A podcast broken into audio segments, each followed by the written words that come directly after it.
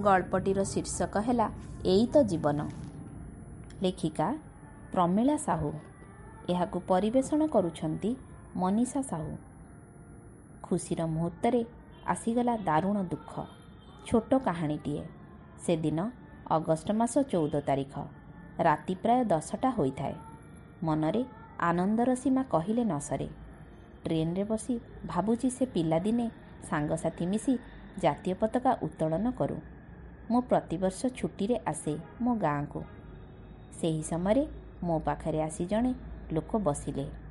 ଆମେ ଦୁଇ ଜଣ ଗପୁ ଗପୁ ରାତି ତିନିଟା ବାଜିଗଲା। ସେ ତାଙ୍କର ଗାଁରେ ରହୁଥିବା ଅନ୍ଧୁଣୀ ମା ଆଉ ସ୍ତ୍ରୀ ପିଲାଛୁଆ କଥା କହୁଥିଲେ। ଯେ ଏଥର ଗଲେ ମୋ ମାଆର ଆଖି ଦେଖିବାକୁ ଡାକ୍ତରଙ୍କ ପାଖକୁ ନେଇକି ଯିବି। ମୋ ପୁଅ କେବେଠାରୁ ମୋତେ କହିଛି ମୋ ପାଇଁ ବାପା ଜୋତା ଆଉ ଜାତୀୟ ପତାକା ଆଣିବ। ଏତିକି କଥା ମଧ୍ୟରେ ଆସିଲା ତାଙ୍କର ଫୋନ୍ କଲ୍ ତାଙ୍କର ସ୍ତ୍ରୀ କହୁଛନ୍ତି କେତେବେଳେ ଆସିକି ପହଞ୍ଚିବ? ଆଉ ଅଳ୍ପ ସମୟରେ। ହଉ ପୁଅ ପାଇଁ ଆଣିଛ ତ?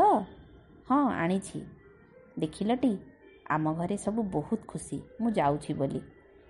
ମୁଁ ବହୁତ ଖୁସି ହୋଇଗଲି। ଯାହା ହଉ ତୁମ ପରି ବନ୍ଧୁକୁ ପାଇକି। ଆଉ ତିରିଶ ମିନିଟ୍ରେ ଟ୍ରେନ୍ ଲାଗିବ। ପୁଣି ଆଉ କେବେ ଦେଖାହବ ସବୁ ଈଶ୍ୱରଙ୍କ ଇଚ୍ଛା। ଆଉ ପାଞ୍ଚ ମିନିଟ୍ ରହିଲା। ମୋର ଆଉ ମନ ଖୁସିରେ ପାଦ ଲାଗୁନାହିଁ। ମୋତେ ବାରମ୍ବାର କହୁଥାନ୍ତି ସେ ସତେ ଯେମିତି ତାଙ୍କୁ ସବୁ ଖୁସି ମିଳିଯିବ ହେଲେ କିଛି ସମୟ ମଧ୍ୟରେ ଟ୍ରେନ୍ ଯାଇ ଖସି ପଡ଼ିଲା ନଦୀ ମଧ୍ୟରେ। ଆଉ ମୋ ଭାଗ୍ୟ ଭଲ। ମୋର କିଛି ହୋଇନଥିଲା। ମୁଁ ଯେତେବେଳେ ଆଖି ଖୋଲି ଦେଖିଲି ସେ ବନ୍ଧୁ ଜଣଙ୍କ ଶାନ୍ତିରେ ଶୋଇଯାଇଛନ୍ତି ସବୁଦିନ ପାଇଁ। ସେହି ସମୟରେ ତାଙ୍କ ଫୋନ୍କୁ କଲ୍ ଆସିଲା। ମୁଁ ବୁଝିପାରୁନଥିଲି ଫୋନ୍ ଉଠେଇବି ନା ନାହିଁ। ବାରମ୍ବାର କଲ୍ ଆସୁଥାଏ। ମୁଁ ଉଠାଇଲି। ଆଉ ବାପା ତୁମେ କେଉଁଠି? ଆସ ମୁଁ ସ୍କୁଲ ଯିବି। ମୋର ଜୋତା ନାହିଁ ପା। ତାପରେ ତାଙ୍କ ସ୍ତ୍ରୀ କହୁଛନ୍ତି ଜାଣିଲ ଆଜି ମୁଁ ସିନ୍ଦୁର ଲଗାଇଲା ବେଳେ ମୋ ହାତରୁ ଖସି ପଡ଼ିଲା। ମୋତେ କିଛି ଭଲ ଲାଗୁନି। ତୁମେ ଆସ।